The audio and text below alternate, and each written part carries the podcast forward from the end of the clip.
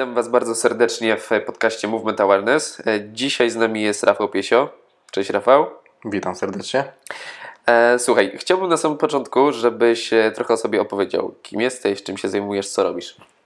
Tak jak wcześniej wspomniałeś, nazywam się Rafał Piesio, jestem, jeżeli chodzi o sferę zawodową, jestem trenerem głównie przygotowania motorycznego, bo to jest teraz rzecz, której poświęcam najwięcej uwagi. Natomiast do tej pory zajmowałem się też dużo treningiem, e, treningiem personalnym.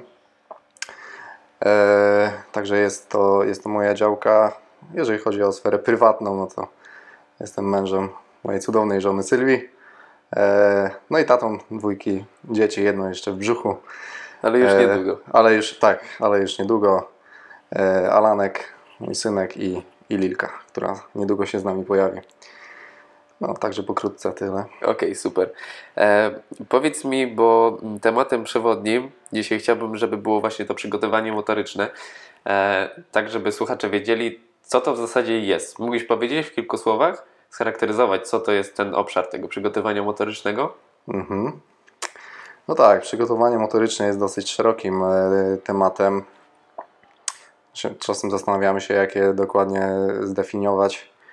E, sam jakoś nie szukam specjalnie definicji tego konkretnej. E, myślę, że jest, są to wszelkiego, wszelkiego rodzaju działania, które mają na celu podniesienie e, potencjału mm, sportowego, mające na celu przygotować e, zawodnika do, do wymagań, jakich, jakie stawia dana dyscyplina. Mhm. I jeżeli chodzi o takie o, o, o może tą sferę niezawodową, mhm. a cofnijmy się trochę wcześniej, jeżeli chodzi o ten czas, kiedy ty byłeś zawodnikiem. Nie? E, mógłbyś też coś powiedzieć? Jak, jak, jak wyglądało twoje życie? E, jasne, no to cofając się e, daleko wstecz, ja ze sportem e, miałem do czynienia od, od dziecka w zasadzie. E, to też ciekawe, ja większość mojego życia spędziłem, e, byłem związany z koszykówką, a z tego co sięgam pamięcią, pierwszym sportem w ogóle, jaki zacząłem, znaczy ciężko powiedzieć, że zacząłem go uprawiać, ale pierwszy kontakt jakby to była właśnie koszykówka, ale to było, już nawet nie pamiętam e, ile miałem lat, natomiast to chyba było przed szkołą jeszcze. E, pamiętam poszedłem z tatą na takie stare, wiesz, betonowe boisko, e, jeszcze nie było tych no, nowoczesnych orlików, tylko wiesz, e, surowy beton, jakieś tam obręcze bez, bez siatek jeszcze. E, stały dwie. Wtedy to chyba były lata, że koszykówka jeszcze była, była taka końcówka popularności koszykówki w Polsce. Ja oczywiście tego nieświadomy wtedy byłem.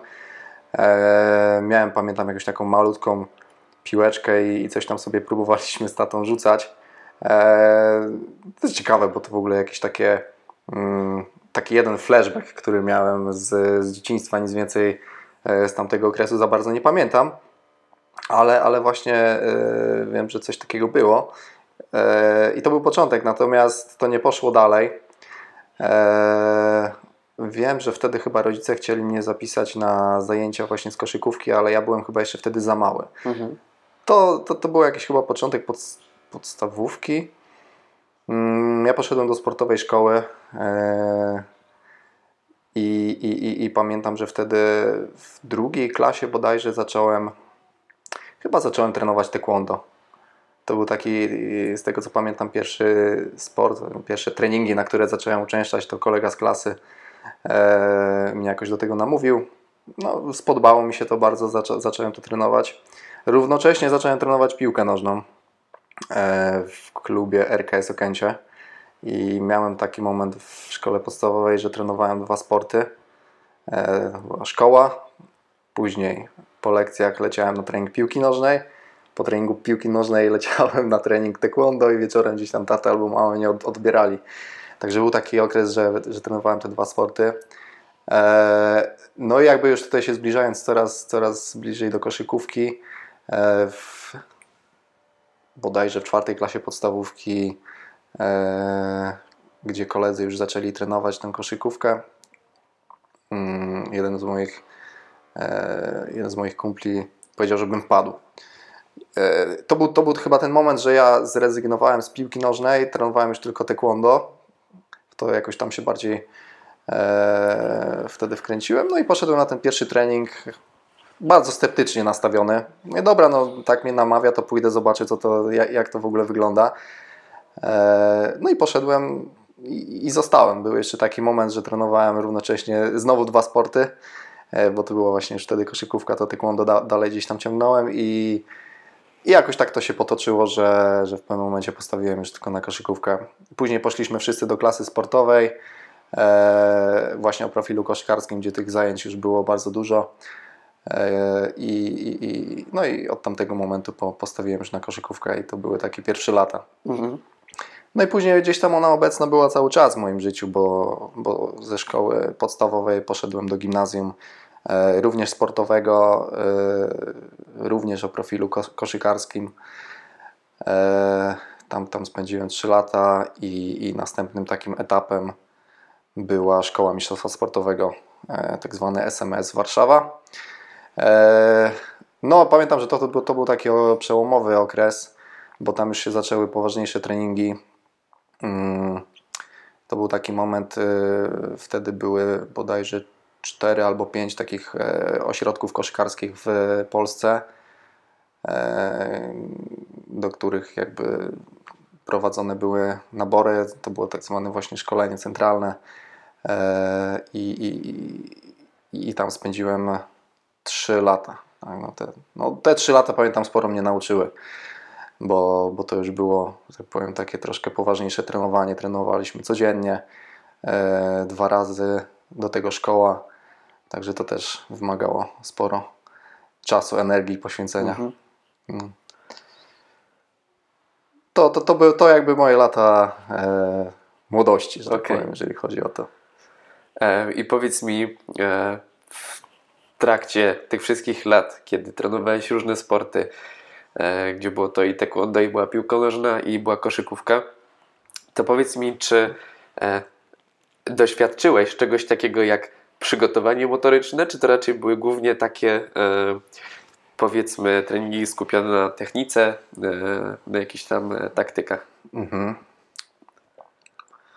E, to mm, znaczy powiem tak, to na pewno nie było, jeżeli chodzi o te lata e, podstawówka gimnazjum, to no nie tak, było tak, nic, tak. nic zorganizowanego. E,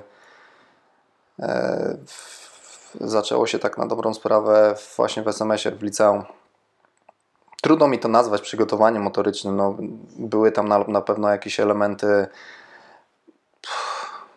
ogólnorozwojowe, jeżeli można tak to mhm. nazwać. E, tak z, perspektywy czasu i, jakby zajmując się tym teraz, e, mając na ten temat troszkę większą wiedzę, mm, no to wiem, że no, wszystko pozostawiało wiele do życzenia. E, na pewno nie, nie, nie wyglądało to tak, jak powinno wyglądać. Natomiast no, wtedy byliśmy tego nieświadomi, robiliśmy to, co nam, to, co nam powiedzieli, nie, nie za bardzo patrzyliśmy na to, czy to działa, czy to nie działa, czy to wykorzystuje nasz E, znaczy wyciąga z zawodników to co, to, co mają najlepszego, wykorzystuje ten cały potencjał. E, no nie powiem, że do końca tak było, tak? E, no ale być może też gdzieś tam to mnie poprowadziło w tą stronę, że zacząłem gdzieś tam szukać więcej, zacząłem trochę na własną rękę się tym interesować, trenować. Oczywiście początek był taki, że działo się to wszystko bardzo po omacku i, nie za bardzo wiedziałem, jak to wszystko mhm. zorganizować. E, także robiłem rzeczy, które gdzieś tam po prostu zobaczyłem, które wydawało mi się, że, że mogą gdzieś tam ten mój potencjał trochę podnieść. E, I, I, jakby tak to się zaczęło. Natomiast jakby wracając do pytania, czy to było w jakiś sposób poukładane i, i przemyślane, no raczej nie. Okej. Okay. No tak, teraz to na pewno jest na zupełnie innym poziomie, nie? Niż kilka lat temu. A powiedz mi, e, jak to się stało, że w zasadzie zająłeś się tym przygotowaniem motorycznym? Mówię tutaj o trenowaniu już gdzieś zawodników uh-huh. w konkretnych dyscyplinach. Uh-huh. no u mnie to było tak, że no tak naprawdę często można usłyszeć taką historię od trenerów, że sami byli gdzieś tam związani ze sportem, e, uprawiali jakąś dyscyplinę i zazwyczaj karierę zatrzymywała im kontuzja. Dokładnie tak samo było u mnie. E, ja w wieku, nie chcę skłamać, myślę, że około 23 lat no, w wieku chyba 23 lat doznałem kontuzji, dostałem urazu kolana, e, który się później jakby dalej za mną ciągnął. E, doznałem tego urazu na, w dwóch turach, że tak powiem, bo to był początek sezonu, pojechaliśmy na pierwszy mecz. E, to był taki uraz kontaktowy. E, miałem wtedy, pamiętam, przerwę około trzech miesięcy. Ten uraz był, później się okazało, źle zdiagnozowany. Po trzech miesiącach wróciłem do treningu i, i tak naprawdę pierwszy trening po powrocie, dosłownie pierwszy trening, pierwsza rozgrzewka, jakieś przyspieszenie i, i ponownie to kolano się uszkodziło. Tam uszkodziłem wtedy więzadło krzyżowe, łąkotki, mhm. chrząstki, także tam nie, niezły bałagan się zrobił w tym kolanie. No i miałem wtedy przerwę. Eee, no, kilka miesięcy. Eee, natomiast tak z perspektywy czasu to bardzo się cieszę, że tego urazu doznałem. Przede wszystkim dlatego, że poznałem moją żonę wtedy. Była to jakby okazja eee, do tego, czyli nie tyle okazja do tego, co, co po prostu przypadek sprawił. E, no i jakby wtedy wróciłem dalej do grania. Natomiast ten uraz po kolejnym sezonie mi się troszeczkę odnowił. E, ja pamiętam wtedy, że był moment, skończyłem sezon i nie za bardzo wiedziałem co dalej. Tych ofert gry nie za dużo się pojawiało. Mm, ja już wcześniej gdzieś tam na, tak jak wcześniej mówiłem, na własną rękę działałem sobie trochę, no nie powiem, że w przygotowaniu motorycznym, bo działałem, e, jakby pewne rzeczy testowałem na sobie, ale nie miałem jeszcze na tyle wiedzy, żeby to jakoś usystematyzować. Natomiast zawsze mnie gdzieś tam w tym kierunku ciągnęło. E, I pojawiła się wtedy oferta współpracy z klubem, z nowym klubem wtedy, w którym jestem do tej pory, Dziki Warszawa. Trener, trener Bakun potrzebował osoby, która zajmie się przygotowaniem motorycznym zespołu i dostał, nie wiem od kogo, taką informację, że, że ja gdzieś tam tam trochę się zajmuję i tak zaczęła się nasza współpraca no, i, i to był moment, gdzie moja kariera, że tak powiem, jeżeli można w ogóle mówić o karierze, raczej tak bym tego nie nazwał, natomiast przygoda z koszykówką w roli zawodnika się zakończyła i jakby przyszedłem na tą drugą stronę, czyli na stronę trenerską. Mhm. E, a powiedz mi, zanim zacząłeś pracować w klubie, e, wcześniej pracowałeś na przykład z osobami tak indywidualnie, żeby ich gdzieś, nie wiem, powiedzmy w e, roli takiego trenera personalnego? E, tak, pracę trenera personalnego ja już zacząłem wcześniej. E, to było jeszcze w momencie, kiedy grałem w koszykówkę. E, to za, zacząłem gdzieś tam w tym kierunku iść. Dokładnie nie pamiętam ile to trwało, ale, ale myślę, że dwa lata przed tym, jak zacząłem jakby zajmować się już bardziej pracą ze sportowcami, e, to tak, to, to pracowałem, mhm. zaczynałem swoją pracę jako, jako trener personalny. Okej. Okay. E, I powiedz mi, e, jak zareagowałeś na wieść, że teraz zostaniesz tym trenerem przygotowania motorycznego i no tak jak przy treningu personalnym masz zazwyczaj jedną osobę, uh-huh. to tutaj nagle będziesz musiał e, w czasie jednostki ogarnąć kilkanaście czy e, kilkadziesięciu zawodników. Uh-huh. E, no tak, było to duże wyzwanie. Ja pamiętam, że nie za bardzo wiedziałem, jak się do tego zabrać, jak to wszystko zorganizować.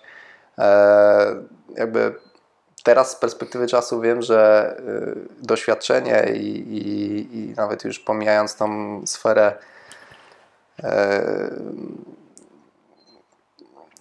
przygotowania w takim sensie, że no bo wiadomo, trzeba wiedzieć jak to wszystko zaplanować, jak poprowadzić trening, e, jak speriadyzować trening, to, to, to wszystko jakby jest jasne, natomiast tutaj logistyka wiem, że ma bardzo duże znaczenie. E, ja pamiętam, że jak zaczynałem pracę, wtedy mieliśmy kiepskie warunki do tego, żeby, żeby to robić. Mała dostępność sprzętu e, i jako niedoświadczony jeszcze wtedy trener działałem tak sobie troszkę po omacku, Natomiast to też było dobre doświadczenie, bo, bo, bo po, po, miesiącu, znaczy nie po miesiącu, tylko po, po sezonie pracy dużo wniosków wyciągnąłem. E, wiedziałem, co zrobiłem źle, co, co należałoby pozmieniać i, i, i starałem się jakby na kolejny, e, kolejny sezon wyciągnąć z tego wnioski. Natomiast tak, no jest to zupełnie inna praca, e, jeżeli chodzi o pracę drużynową. To już mm, nie wiem, czy będziemy rozwijać ten temat, bo można by trochę o tym pogadać, ale e, no jest to zupełnie co innego. Mhm. A powiedz mi, e, jak to jest, jeżeli prowadzisz właśnie taką większą grupę osób? No to wiadomo, że e, jeden coś lubi bardziej, drugi lubi mniej. Mhm. Jeden ma na przykład, nie wiem, problem ze stawem skokowym, drugi ma problem z kolanem i tak Mhm. dalej. Powiedz mi, w jaki sposób e, ty różnicujesz ten trening, czy w jaki sposób go konstruujesz tak, żeby e, on, wiadomo, no nie da rady, żeby dla wszystkich było idealnie, Mhm. ale żeby dla ogółu ten trening był jak najbardziej efektywny. Mhm. E, No tak, jeżeli chodzi o indywidualizację treningu w, w zespole, no to znowu tutaj w grę wchodzi kwestia logistyki, możliwości, jakie mamy, jak, jak szeroki e, jest zespół, ten sztab trenerów, którzy mogą się tym zająć, prawda? E, No my jakby działamy w takich warunkach na tą chwilę, e, jakby na, nasz sztab jest troszeczkę szerszy, także może, mo, możemy sobie na to pozwolić, żeby ten trening był bardziej zindywidualizowany w jakimś sensie. E, My testujemy zawodników przed sezonem, poddajemy ich e, różnego rodzaju testom, obrazowaniu ruchowemu, testom związanym bardziej jakby już z tym performancem i, i na tej podstawie układamy zawodnikom takie indywidualne plany nie powiedziałbym treningowe, raczej e, plany korekcyjne, które mają gdzieś tam e, trafiać w te, te, te słabe ogniwa, czy, czy, czy jakieś tam rzeczy, które należałoby poprawić u danego zawodnika. Także każdy zawodnik u nas dostaje sobie dostaje taką rozpiskę. E, przeprowadzamy z nim też treningi indywidualne po to, żeby nauczyć ich tych ćwiczeń, uświadomić po co to robią, jak to powinno wyglądać. E, i jakby indywidualizacja, indywidualizacja treningu na tym się opiera. Na- Natomiast jeżeli chodzi o trening drużynowy, no to, który prowadzę, no to tam już mam pewne zasady, e, tak powiem bardziej ogólne, które celują w, w moim mniemaniu w takie aspekty, które powinny być poruszone e, i będą dawały jakiś profit każdemu zawodnikowi, niezależnie od jego jakby uwarunkowań czy tam jakichś ograniczeń i tak dalej. Oczywiście jest, e, jest progresowanie czy, czy regresowanie treningu e, nawet grupowego, jakby to się jak najbardziej można w sferze takiej pracy mm, drużynowej da się oczywiście też zrobić, tak? E, Natomiast mówię, tutaj bardziej staramy się działać pod tym kątem takich indywidualnych rozpisek, e, które uderzają w te słabe punkty konkretnie. Okej. A powiedz mi, e, jak to jest, jeżeli chodzi o mm, takie ide- idealne wykonywanie ćwiczeń e, gdzieś tam w treningu siłowym, bo jak e, chodzimy gdzieś tam na jakieś szkolenia czy coś Mhm. e, w tym stylu, to idziemy sobie i tam dokładnie nam rozkładają, że przysiad to robisz w ten sposób, tutaj robisz taki ruch, tu zwracasz uwagę na kolano, na staw skokowy i tak dalej. A później wchodzisz w drużynę i próbujesz nauczyć ich idealnego przysiadu. Mhm. Czy to ma sens, czy raczej lepiej, żeby ten e, zawodnik po prostu ok wykonywał ten przysiad, czy, le, czy raczej doprowadzamy do tego, żeby to było perfekcyjne? Mówię tutaj o e, kontekście już później, jak to się przenosi na grę tego zawodnika. Mhm. Nie ma czegoś takiego jak perfekcyjny ruch i jakby dążenie do, do, taki, do znaczy samo dążenie do perfekcyjnego ruchu może jest ok, chociaż ja uważam, że, że czegoś takiego nie ma i e, zwłaszcza pracując z tak dużą grupą zawodników, sportowców, e, oczywiście nigdy nie będziemy dążyć do tego, żeby zawodnik wykonywał przysiad w 100% idealnie i nie tego od niego oczekujemy. To też jakby wchodzi w grę kwestia coachingu, w jaki sposób my przekazujemy pewne informacje zawodnikom, bo to też nie o to chodzi, żeby mm, nasz zawodnik wykonując jakieś ćwiczenie, dajmy na to przysiady, żeby on znał wszystkie szczegóły dotyczące tego przysiadu, jak ma być ustawiona miednica, czy kręgosłup jest ustawiony neutralnie i, i tak dalej. To, to nie o to chodzi. On ma zrozumieć jakby po co wykonuje dany ruch, e, jakie profity mu to przyniesie i podstawowy coaching, który, który wymaga, znaczy który powoduje, że zawodnik uzyskuje z danego ćwiczenia jakiś cel.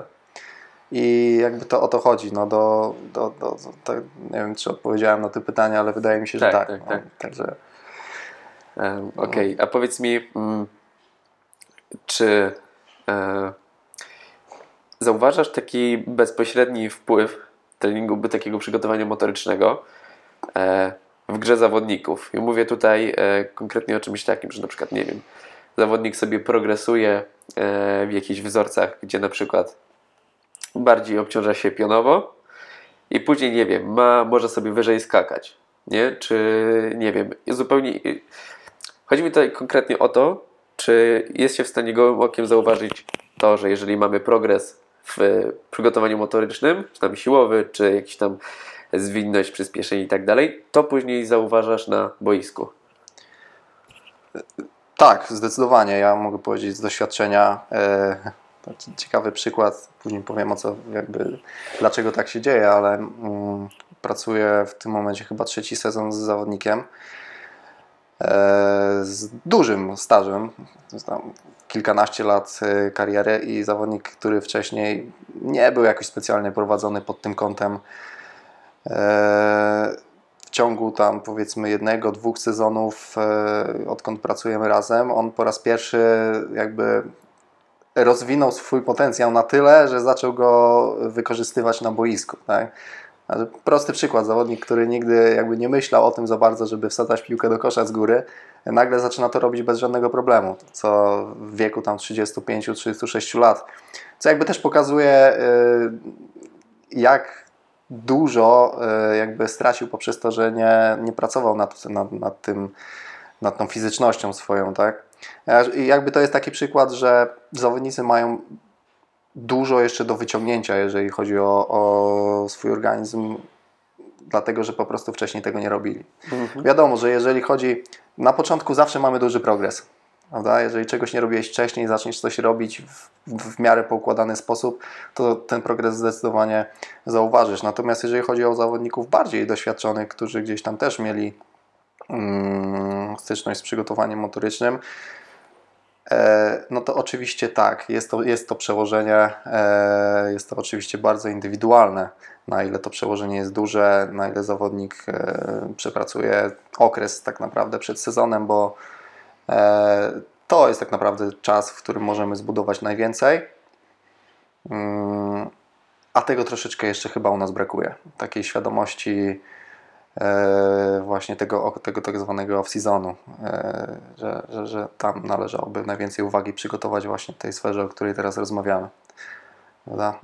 Ale tak, jak najbardziej, ma to, ma to przełożenie. Okej, okay. a powiedz mi, e, no bo oprócz przygotowania motorycznego mamy też treningi techniczno-taktyczne. Hmm? I powiedz mi, czy byłbyś w stanie określić, nie wiem, stosunek tego, jak e, jest to na przykład to przygotowanie motoryczne ważne w kontekście treningów techniczno-taktycznych, albo rozdzielić to w takich proporcjach, jak na przykład Ty uważasz za e, najlepsze? Oj, to jest bardzo indywidualne. To, to też jest bardzo ważna współpraca jakby całego sztabu e, trenera przygotowania motorycznego, czy trenerów e, z, e, z trenerem głównym to jest, wydaje mi się, taka sfera, która, w której leży bardzo duży potencjał, jeżeli znaczy potencjał. Mm, współpracując, sztab szkoleniowy, tak, mam na myśli trenerów przygotowania motorycznego z trenerem głównym, współpracując i dogadując się y, jedni z drugimi, jeżeli jedni wiedzą, co robią drudzy, wtedy jesteśmy w stanie zarządzać tak tym treningiem, że osiągniemy ten pełen potencjał. Czy będziemy starali się dochodzić do tego potencjału, żeby wyciągnąć z zawodników jak najwięcej. E, I to jest, wydaje mi się, kluczowe, bo e, my, my jako trenerzy przygotowania motorycznego możemy sobie tam pewne rzeczy zrobić, e, zaplanować i tak dalej, natomiast trzeba pamiętać o tym, mówię tutaj na przykładzie koszykówki, ale to też się jakby tyczy innych sportów, że bardzo często zawodnicy największe obciążenie mają po pierwsze w treningu techniczno-taktycznym i tym należy odpowiednio zarządzać, po drugie wiadomo w trakcie meczów, tak? No i ca, całe jakby polega to na tym, żeby w odpowiedni sposób monitorować to, jakie obciążenia mają właśnie e, w treningu techniczno-taktycznym i w taki sposób dobierać obciążenia e, w powiedzmy przygotowaniu motorycznym, tak? bo to, to co my zrobimy czy na siłowni, czy na, na sali, na bieżni, gdziekolwiek, to musi mieć przełożenie na to, co zawodnicy później prezentują na, na boisku, na parkiecie e, i tak dalej. Także mm, bardzo ważna jest tutaj relacja trenera głównego z trenerem przygotowania motorycznego. E, no. Okej. Okay. Powiedz mi, Rafał, mm, czy byłbyś w stanie e, znaleźć taką jedną rzecz, która sprawiła ci, e, no nie chciałem, dobra, nie nazwijmy tego problem, która ci sprawiła największe takie wyzwanie, taką trudność e, w pracy z zawodnikami? Hmm. Mówię tutaj w kontekście hmm. całego zespołu, nie? Chyba, że pojedynczo też e, jesteś w stanie. Największa trudność? Tak.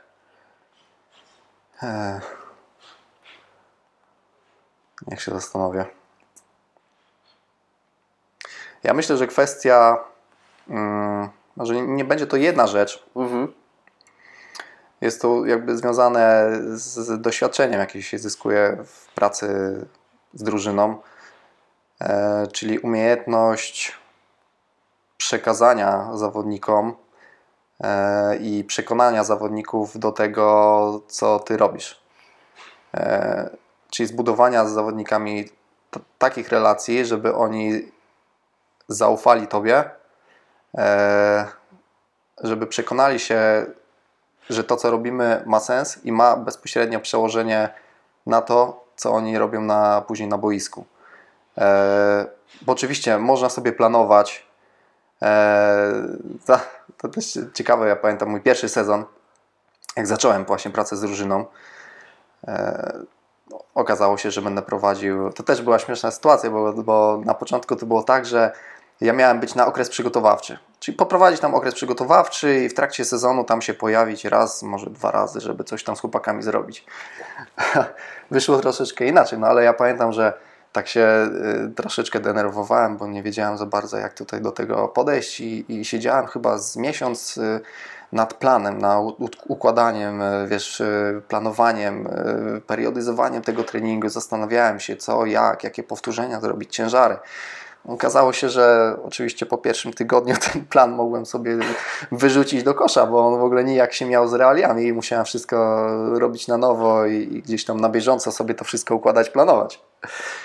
E, tak, także to też e, to, to było takie ciekawe, ale wracając do pytania, e, bo się zgubiłem. E, dobra, e, pytałem wiesz co o to, i jakie było Twoje największe wyzwanie, A. jeżeli mhm. chodzi o pracę z zespołem? Mhm. E, a, no tak, bo też troszkę odbiegłem w anegdotkę. Natomiast tak, e, wyzwanie, mm, tak jak powiedziałem, zbudowanie relacji i umiejętność przekazania chłopakom, e, po co się robi pewne rzeczy, bo, bo to jest kluczowe. Mhm. To jest kluczowe, żeby, żeby oni zaczęli to robić, bo rodzajów programowania i podejść treningu mamy bardzo dużo, tak? natomiast kwestia, kwestia realizacji tego i, i jak to chłopaki, jak to zawodnicy wykonają, no to, to, to jest kluczowe. Mhm. Okej. Okay. E, też pewnie tutaj dużą, e, duże znaczenie ma elastyczność, nie? jeżeli chodzi o trening. I mówię tutaj, że e, no nie wiem, nagle któryś z zawodników doznaje kontuzji mhm. i nagle coś trzeba zmieniać w trakcie sezonu, mhm. jeżeli chodzi o jego, jego tam przygotowanie. No właśnie, a jeżeli chodzi o kontuzję, mm, powiedz, e, czy jest taka kontuzja, która najczęściej się zdarza, jest taka charakterystyczna dla koszykówki? E, to znaczy mogę powiedzieć e, z doświadczenia, mojego najczęstszą kontuzją, urazem takim powiedziałbym lżejszym, no to, to są stawy skokowe. Eee, to się zdarza dosyć często. No, jest to oczywiście związane z tym, że mm, mało poświęca się czasu. Znaczy teraz oczywiście już świadomość jest coraz większa i e, my robimy tego bardzo dużo, ale mało jest pracy właśnie ze stopą. No, trzeba pamiętać o tym, że głównym czynnikiem, który powoduje urazy, kontuzje i przeciążenia, to są takie czynniki środowiskowe, czyli to e, Mm, w jakim miejscu jakby zawodnicy, co zawodnicy robią na co dzień, e, jak trenują, tak? Jak spojrzymy sobie na zawodników, to wszystko co robią na parkiecie to jest w butach. Często w drużynach, e, szczególnie w tych profesjonalnych drużynach jest wymóg taki, żeby zawodnicy nie tylko grali mecze, ale trenowali też w tejpach. To, no, tape to jest trochę tak, jakbyś sobie założył taki gips na, na, na stopę i, i, i w tym biegał, tak? Stopa jest kompletnie wyłączona. No, jak wiemy, ten, ten cały kompleks, y, jeżeli chodzi o stopę, no, to jest y, chyba jedna z ważniejszych rzeczy, mm, nad, którymi, nad którą powinniśmy pracować, szczególnie z koszykarzami. Także my do tego tutaj bardzo dużą wagę przywiązujemy, żeby, żeby jakby zabezpieczyć ich y, między innymi przed tymi skręceniami. No ale jakby tutaj taką kolejną rzeczą jest też oczywiście przeciążenia związane z e, zestawem kolanowym.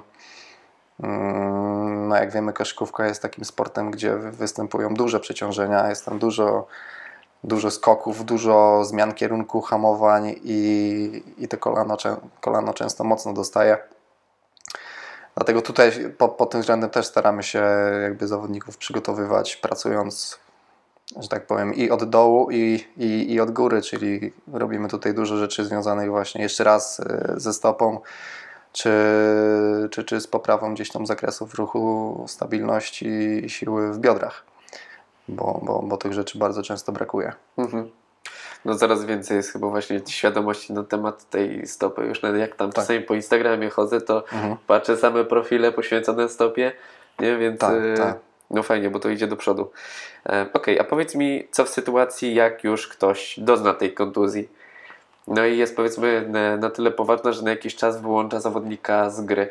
E, co w takiej sytuacji? Jakie jest, e, czy znowu tutaj się tworzy relacja fizjoterapeuta-trener, czy jak to wygląda? No to też jakby zależy jakiego rodzaju jest to uraz i na ile zawodnika wyłącza z gry, prawda? No bo jeżeli mówimy o lekkich skręceniach, stawu skokowego, no to wiadomo, że jest to taki uraz, po którym zazwyczaj wraca się troszeczkę szybciej. E, no i wtedy jakby już staramy się tą, tego zawodnika jak najszybciej tylko można uruchamiać i wprowadzać w, w proces rehabilitacji najpierw, a później jak najszybciej w proces e, treningu. No jeżeli mówimy o tutaj poważniejszych kontuzjach, e, no to, no to już wiadomo, że ten proces się troszeczkę rozwleka i Zresztą to jest też bardzo indywidualna sytuacja, mhm. w zależności na jakim etapie sezonu zawodnik dostaje ura, do, doznaje urazu, e, jakiego rodzaju jest to uraz, e, czy zawodnik ma podpisany kontrakt na rok, czy na dwa lata, czy wiemy, że on zostanie w klubie, czy nie zostanie. No, trudno, trudno mi jakby powiedzieć, bo to jest kwestia bardzo indywidualna. Natomiast no, zakładając, że E, w takim najlepszym scenariuszu no to zawodnik dostaje, doznaje urazu, jest pełna diagnostyka. Wiadomo, że tutaj w pierwszej kolejności musi wypowiedzieć się na ten temat e, lekarz, który diagnozuje tego zawodnika. Później jest podejmowana jakaś interwencja. No i w zależności co tam się wydarzyło, później jest wprowadzane w proces rehabilitacji. No. Także tak okay. powinno wyglądać. Powiedz mi, czy e, ja takie zadaję pytania trochę zero-jedynkowe, mm -hmm. ale mhm. dlatego, że chcę, żebyś troszeczkę rozwinął i mm -hmm. pokazał, że to nie wszystko jest takie jasne. No tak, tak. E, czy jest jakaś cecha e, motoryczna, która jest najważniejsza w koszykówce według Ciebie? Gdybyś miał wybrać tylko jedną, że na przykład -hmm. albo tylko wysoko skacze, albo tylko szybko biega. E, Okej, okay, nie spełnię Twoich oczekiwań, bo, oczekiwań, bo nie no. wybiorę tylko jednej. E, no, nie wiem, czy spodziewasz się jakiejś mojej konkretnej odpowiedzi. Być może spodziewasz się tego, że powiem, że siła jest taką najważniejszą mhm. cechą. E, I pewnie trochę w tym prawdy jest. Mm, natomiast to też jakby trzeba by trochę to pytanie rozszerzyć, tak? Bo jakby wszystko ma swój kontekst. Pytanie, co. E, to inaczej bym powiedział to też trzeba znowu patrzeć na zawodnika indywidualnie i, i patrzeć, czego najbardziej mu brakuje. Po to są, po to zawodników testujemy, poddajemy takiej kompleksowej ocenie, żeby wyciągnąć wnioski na tej podstawie, dokonać takiej interwencji treningowej, żeby, żeby podnieść ten potencjał. Tak? Także jeżeli zawodnik ma. Yy, ja bym podzielił, to jakby na, na nie wiem, dwie może kategorie, czyli taki aspekt związany z ruchem, z obrazowaniem ruchu, e, jak zawodnik się porusza, jak biega, jak chodzi, jak wykonuje jakieś takie zamknięte, nazwijmy to, wzorce, czy, czy bardziej specyficzne, specyficzne wzorce. I na tej podstawie możemy sobie ocenić, gdzie są jakieś braki, czy to w mobilności, zakresie ruchu, czy, czy, czy w stabilizacji.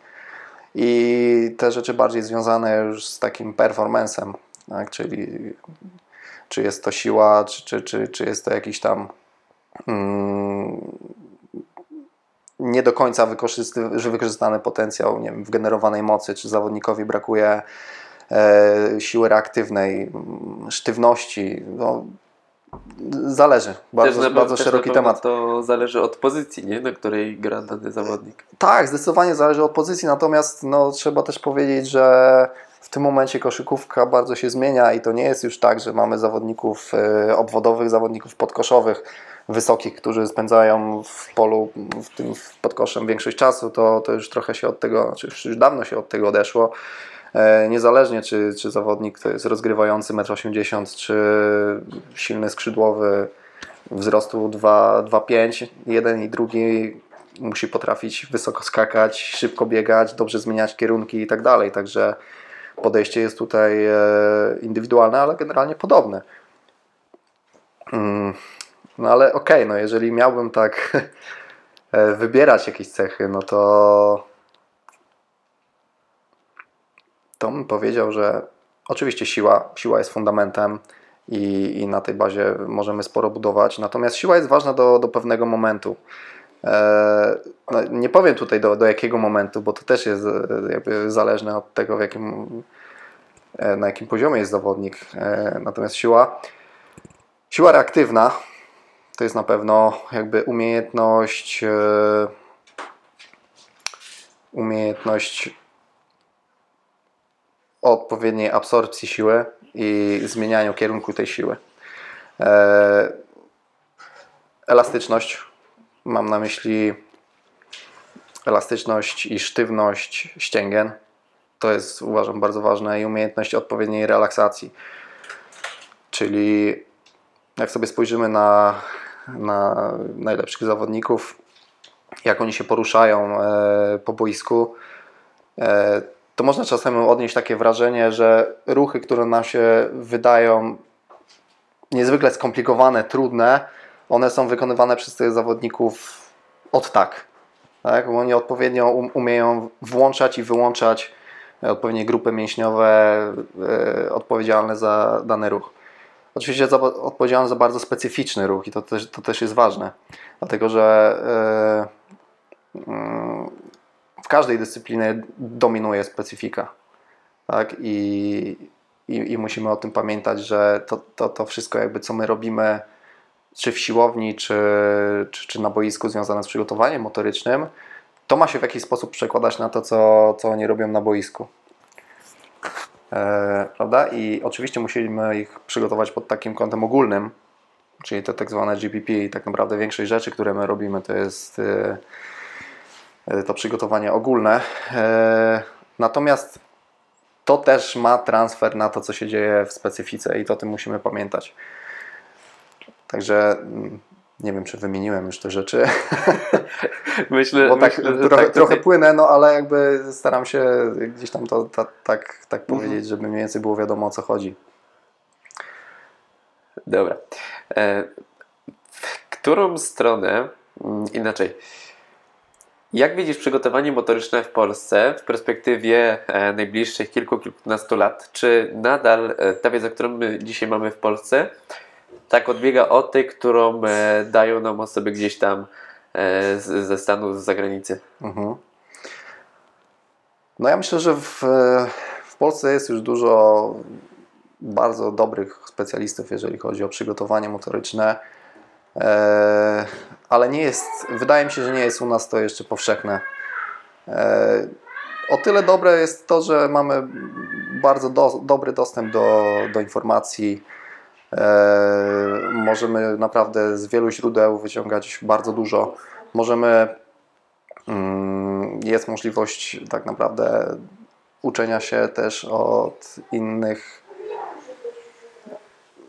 zdobywania, e, zdobywania wiedzy za granicą.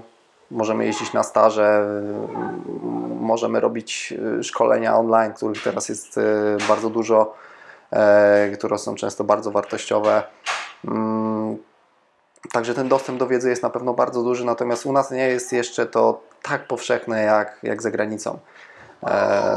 czy mówimy tu o, nie wiem, o Stanach, o Wielkiej Brytanii, Australii, mhm. Czy, czy, czy, czy, gdzieś tam w zachodniej Europie, e, gdzie tego jest jednak troszkę więcej. Mm, natomiast ja, myślę, że to idzie w dobrą stronę. E, o tyle fajne jest też to dla nas, jako trenerów przygotowania motorycznego, że czy zawodnicy, czy trenerzy, czy, czy, czy ludzie za, zarządzający klubami sportowymi e, mają coraz większą świadomość tego, jak, jak bardzo ta sfera jest potrzebna.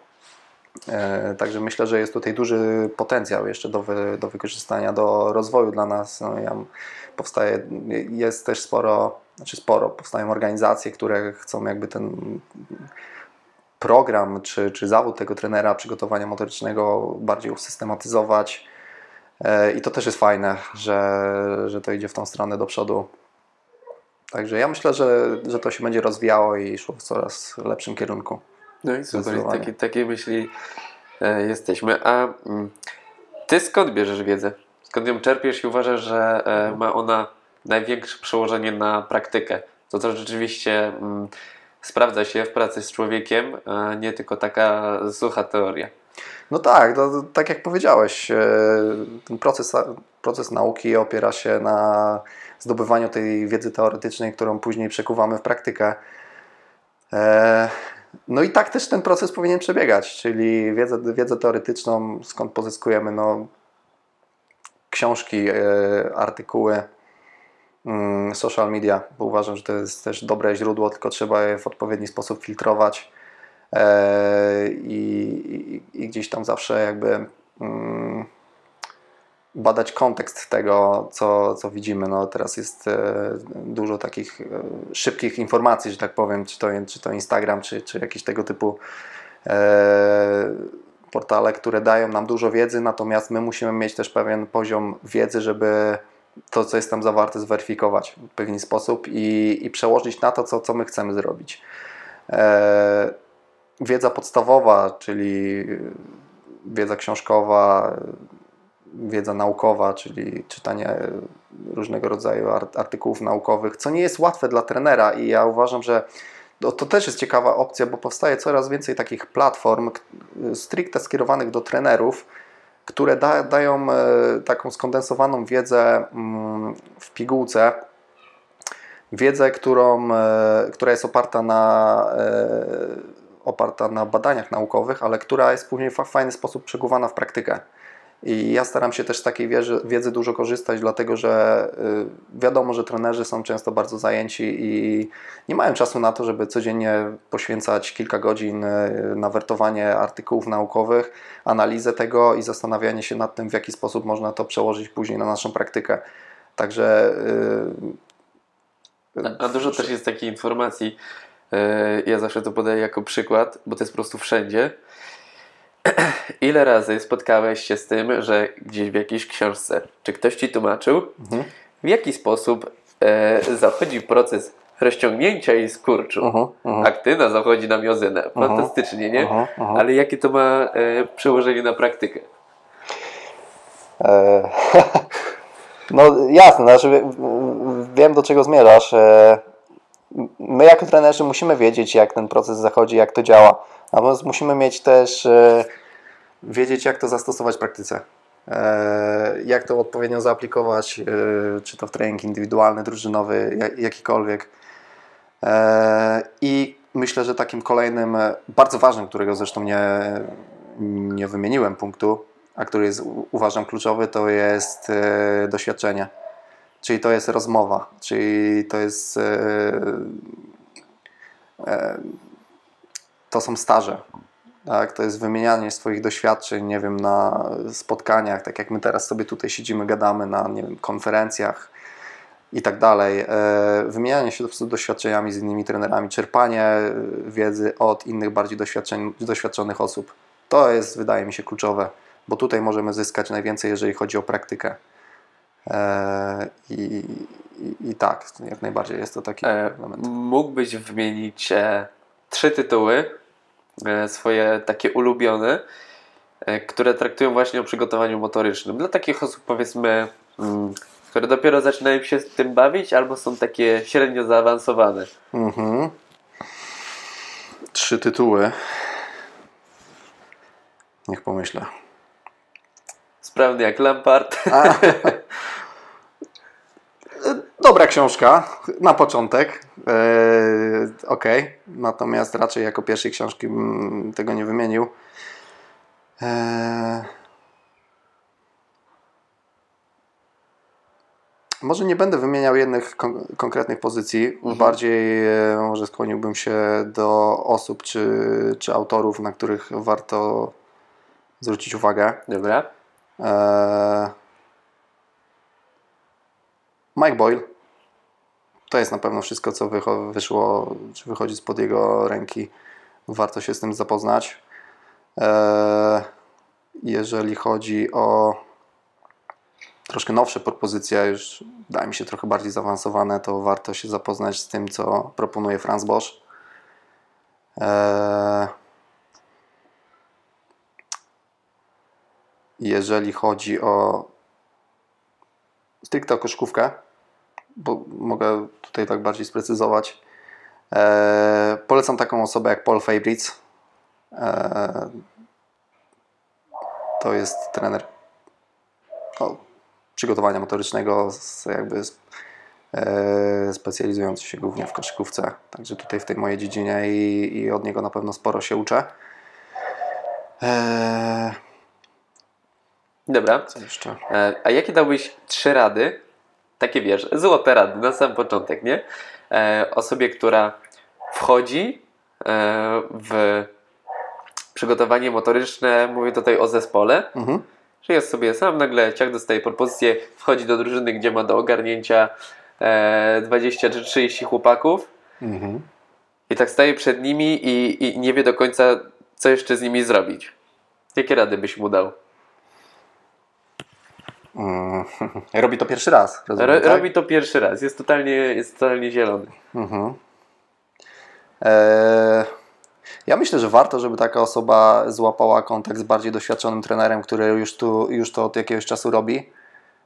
Pojechała na jakiś staż, czy, czy na, nie wiem, na, na parę dni zobaczyć, jak, jak trenują inne zespoły, porozmawiać z tymi trenerami, żeby zyskać jakąś perspektywę mniej więcej, w którą stronę to mogłoby iść. Eee, i po prostu zacząć to robić, to tak naprawdę wyjdzie w, wyjdzie w praniu, tak powiem. No, to, to też nie chodzi o to, żeby sobie zakładać, że osoba, która zaczyna to robić, zrobi to, że musisz to zrobić jak najlepiej się, się da. Tak? I to, to nie będzie idealne. To nigdy nie będzie idealne, niezależnie jak duże doświadczenie masz. E, trzeba tylko wyciągać wnioski. Odpowiednio na bieżąco umieć się dostosować do tego, co się dzieje. Warunki mamy przeróżne.